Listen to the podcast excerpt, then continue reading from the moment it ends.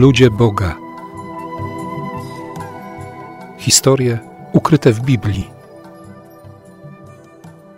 Siostry i bracia, zakończyliśmy nasze ostatnie spotkanie na obietnicy, że oto dziś już rozpoczynamy historię Mojżesza. Człowieka, który, który właściwie po Abrahamie jest nazywany ojcem narodu wybranego. Abraham jako ojciec wiary, później oczywiście pojawia się Jakub jako protoplasta dwunastu pokoleń i Mojżesz, ten, który wyprowadza wybranych z Egiptu, który jest znakiem wybawienia ofiarowanego przez Boga. A zatem sięgnijmy do Księgi Wyjścia, do początku drugiego rozdziału. W tekście Targumu Neofiti, który niewiele różni się od e, znanych nam przykładów e, Biblii hebrajskiej, przeczytamy następujące zdania. Pewien mąż z domu Lewiego przyszedł i wziął za żonę córkę Lewiego. Ta kobieta poczęła i urodziła syna, a widząc, że jest piękny, ukrywała go przez trzy miesiące. A nie mogąc ukrywać go dłużej, wzięła kosz z papirusu, powlekła go żywicą i smołą i włożywszy w niego dziecko, umieściła na łące na brzegu rzeki. Siostra zaś jego stała z dala, aby widzieć, co się z nim stanie. A córka faraona zeszła, aby odświeżyć się nad rzeką. A służące przechadzały się nad brzegiem rzeki. Gdy spostrzegła kosz na łące, posłała służącą, aby go przyniosła. A otworzywszy go, zobaczyła dziecko. A dziecko to było płaczące. Okazała mu litość, mówiąc: ono jest spośród dzieci Hebrajczyków. Jego siostra rzekła do córki faraona: Chcesz, a pójdę zawołać ci karmicielkę spośród kobiet Hebrajczyków, która by ci to dziecko wykarmiła. Córka faraona odpowiedziała jej: Idź. Poszła wówczas dziewczyna i zawołała matkę dziecka. Córka faraona tak jej powiedziała: Wychowaj to dziecko i wykarm je dla mnie, a ja dam ci za to zapłatę. Wówczas kobieta zabrała dziecko i wykarmiła je. Gdy dziecko podrosło, zaprowadziła je do córki faraona i chłopiec był dla niej jak syn. Dała mu imię Mojżesz, mówiąc, bo uratowałam go z wody. Tak brzmią pierwsze wersety drugiego rozdziału Księgi Wyjścia. Pamiętamy dobrze rozkaz faraona, który kazał topić urodzonych chłopców hebrajskich. Pamiętamy sprzeciw dwóch położnych, Szifry i Puły. Pamiętamy też, że faraon w swojej przebiegłości nakazał właśnie tak unicestwiać potomstwo Hebrajczyków, ponieważ znał zapowiedź Boga, obietnicę Boga, że już nigdy wody potopu nie dosięgną ziemi. A zatem liczył na to, że Bóg Izraela dotrzyma słowa. I pomimo tego, że faraon jest w pewnym sensie posłańcem śmierci i pozbawia życia małe dzieci przez utopienie, to ten Bóg nie odpłaci nie zemści się przez zesłanie potopu na Egipt. I oto jakiś człowiek z domu Lewiego przychodzi i bierze za żonę kobietę również z tego pokolenia. Pamiętamy dobrze, że pokolenie Lewiego z jednej strony jest wezwane do, do bycia sługami Boga, że Lewi, syn Jakuba, miał w sobie ducha prorockiego, był wezwany do pewnej służby kapłańskiej, ale jednocześnie pamiętamy, że to właśnie Lewi i Szymon, Symeon dokonali pogromu Sychem. A zatem z jednej strony jest to pokolenie wybrane do służby Bożej, a z drugiej strony zdaje się ciążyć na nim przekleństwo. Pamięć o śmierci zadanej bez miłosierdzia i bez opamiętania, jako zemsta braci, którzy chcieli odpłacić za zhańbienie ich siostry Diny. Bezimienny mężczyzna bezimienna kobieta. Choć tradycje rabiniczne mówią o kobiecie o imieniu Jokebet, która była matką Mojżesza. Brak imienia w Biblii wskazuje nie tylko, czy raczej nie tyle na osoby, które nie mają żadnego znaczenia, ale raczej pozwala wejść w miejsce tych osób, zobaczyć swoją historię, swoje życie i zadać sobie pytanie, czy moje istnienie owocuje takim błogosławieństwem, jak istnienie tych, na których nikt nie zwracał uwagi, ale ich życie, ich obecność, ich istnienie nie umknęło uwadze Najwyższego. Może przy tej okazji warto również wspomnieć pewien midrasz, w którym widzimy skarżącą się literę J, ponieważ niektóre tradycje mówią, że imię matki Mojżesza rozpoczynało się właśnie tą literą. Otóż e, owej legendzie żydowskiej przeczytamy, że gdy Bóg zmieniał imiona Abramowi i Saraj, Abram stał się Abrahamem, a Saraj stała się Sarą, literka J zaczęła się tułać, poczuła się zupełnie opuszczona. Nie dość, że jest najmniejszą w alfabecie hebrajskim, to jeszcze straciła zupełnie na znaczeniu. Więc stanęła kiedyś przed Bogiem i narzekając trochę na swój los, zapytała, czy, czy rzeczywiście jej przeznaczeniem jest aż takie uniżenie.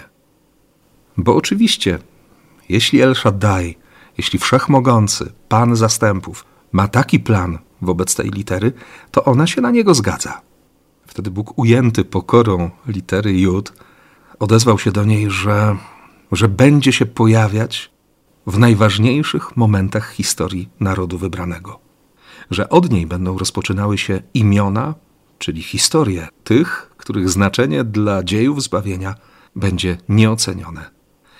I autor Midraszu napisze w komentarzu, że tak właśnie stało się, gdy Mojżesz zmienił imię jednego ze swoich wojowników, najbliższych zaufanych, jednego z synów książęcych rodów Izraela, na Jozułego. Dla nas ma to tym większe znaczenie, o czym sobie jeszcze powiemy za jakiś czas, że Jozue, Jehoszua, to Jezus. Przyszło mi do głowy to skojarzenie, kiedy, kiedy przeczytałem w Midraszach, że, że prawdopodobnym imieniem matki Mojżesza tego człowieka, który ma tak potężne znaczenie w dziejach Izraela, rozpoczyna się właśnie na tę najmniejszą literę Jud.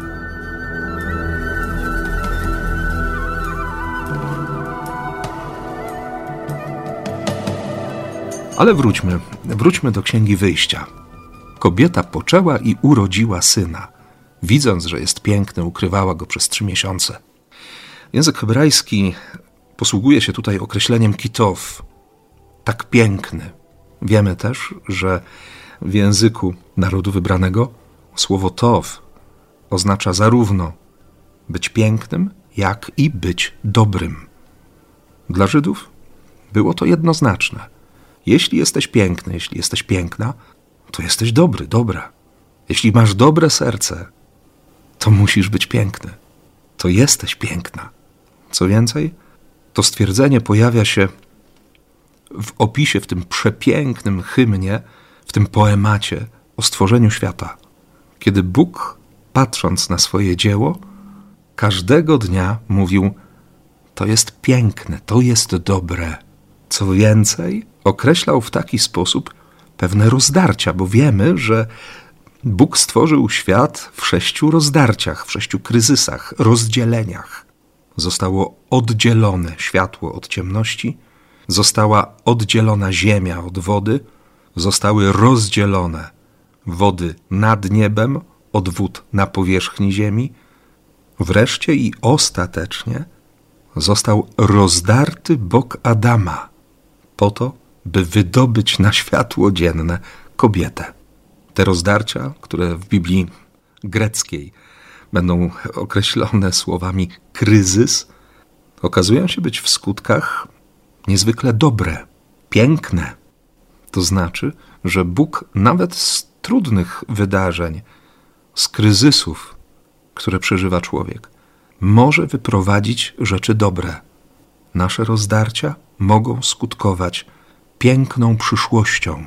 I wcale nie chodzi o to, że one same w sobie są dobre, są piękne bo nie są. Ale to w jaki sposób na nie spojrzymy i co pozwolimy też uczynić w tych kryzysach Bożej łasce, może nas poprowadzić ku dobremu i pięknemu życiu. Wróćmy jednak do pierwotnego rozumienia tego określenia kitow. Jest piękne, jest dobre. Dla tej kobiety, co w sumie nie budzi żadnego zdziwienia, jej potomstwo, jej syn jest tak cudowny jak cały świat. I tak jak Bóg odkrywa piękno, odkrywa dobro, nasyca pięknem i dobrem całe swoje stworzenie.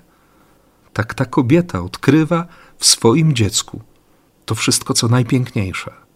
Ten chłopiec jest dla niej całym światem. Ale pojawia się kryzys, bo owszem, ukrywa swojego syna przez trzy miesiące, ale przecież nie może tego robić w nieskończoność. Naraża i siebie, i swojego męża na śmierć. Okazuje się z późniejszej historii, że, że ma już starszego syna, ma również starszą córkę. Więc pewnie z ciężkim sercem, z ogromnym rozdarciem, nie mogąc ukrywać go dłużej, jak przeczytamy w Biblii, bierze skrzynkę z papirusu, jakiś kosz, powleka go żywicą, smołą i umieszcza w sitowiu, jak przeczytamy w Biblii hebrajskiej, na brzegu rzeki. Wielu komentatorów Biblii wspomina właśnie ten moment jako chwilę, w której dziecko, ten chłopiec, nazwany później Mojżeszem, w cudowny sposób doświadczający ocalenia, nosi w sobie przekonanie, że można być uratowanym z tak tragicznej sytuacji. Nie jest pewnie przypadkiem, że wiele, wiele lat później Mojżesz będzie przeprowadzał naród wybrany właśnie przez Morze Sitowia, które my często znamy pod nazwą Morza Czerwonego. Niektórzy komentatorzy Słowa Bożego pójdą jeszcze dalej, mówiąc, że owa skrzynka, ten kosz z papirusu jest symbolem Słowa Bożego, które ocala człowieka, gdy ten schowa się między słowami Biblii. Ale wróćmy do historii biblijnej. Siostra stała z daleka, by widzieć, co się z nim stanie, a córka faraona zeszła, aby odświeżyć się nad rzeką, aby się wykąpać. Przeczytamy w Biblii hebrajskiej. Jeden z targumów e, powie, że to odświeżanie się nad rzeką było konieczne ze względu na palące wrzody, które Bóg już wtedy zesłał na Egipcjan. Owszem, Bóg nie odpowiedział, nie zemścił się zesłaniem potopu, ale pojawiły się choroby, które, które bardzo uprzykrzały życie mieszkańcom Egiptu. Inne źródła tradycji żydowskiej, między innymi Exodus Rabba, czyli potężny zbiór midraszy dotyczących Księgi Wyjścia, pokazywały córkę faraona jako dziewczynę cierpiącą na trąd. Dlatego często musiała obmywać się, obmywać swoje ciało w bieżącej wodzie, by zachować jako tako higienę i by nie dopuścić do rozkładu ciała. Owa córka faraona spostrzegła kosz. Zobaczyła w nim dziecko. Była pewna, że jest to Hebrajczyk, ponieważ żadna z kobiet egipskich nie zostawiłaby swojego syna na pewną śmierć na brzegu bardzo niespokojnej rzeki, jaką był Nil. Z drugiej strony pewnie też dostrzegła, że ten chłopiec był już obrzezany. Pamiętamy, że przykazanie obrzezania, to doświadczenie przymierza z Bogiem, obowiązywało już od czasu Abrahama. Niezwykłe jest, że Biblia odkrywa w tej córce faraona litość, uczucie, emocje litości zmiłowania, miłosierdzia. Ojciec dziewczyny, faraon, wydaje rozkaz eksterminacji, egzekwuje prawo śmierci. Jego córka, przeciwnie, ofiaruje z hojnością życie.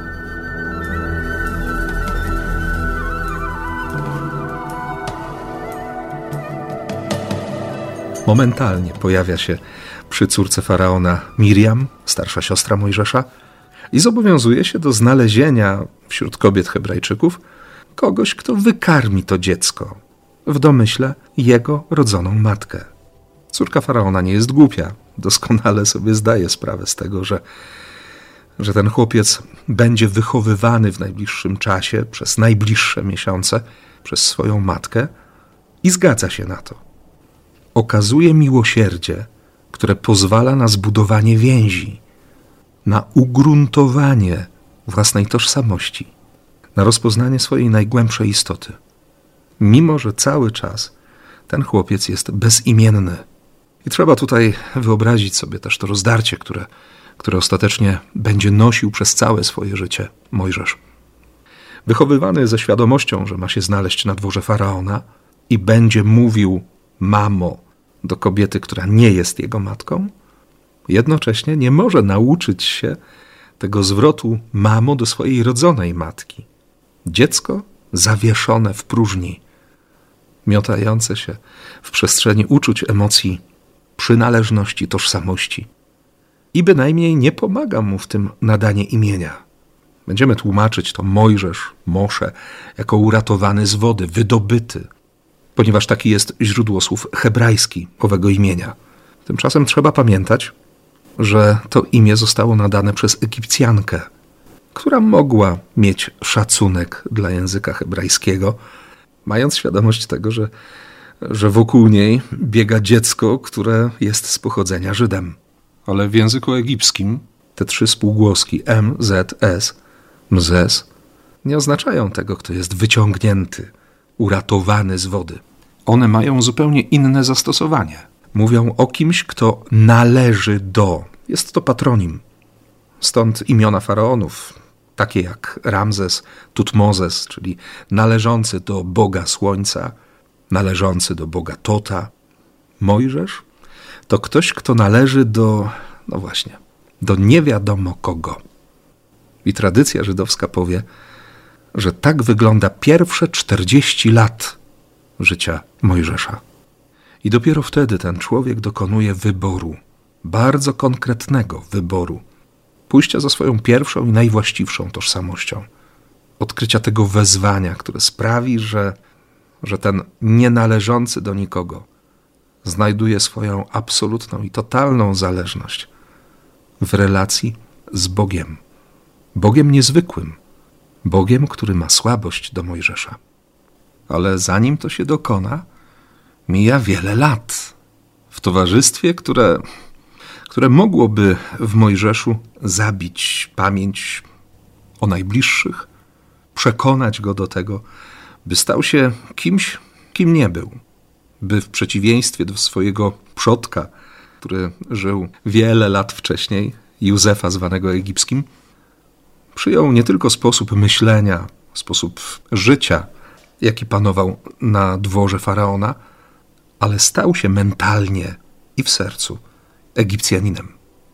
Co prawda, Biblia nic na ten temat nie mówi, ale próbują nam w tym pomóc niektóre opowieści, midrasze, spisane przez, można by powiedzieć, autorów natchnionych, natchnionych Bożym Duchem, Bożą łaską, którzy chcieli wytłumaczyć, w jaki sposób żył Mojżesz na dworze faraona. Ale o tym powiemy sobie już w następnym spotkaniu.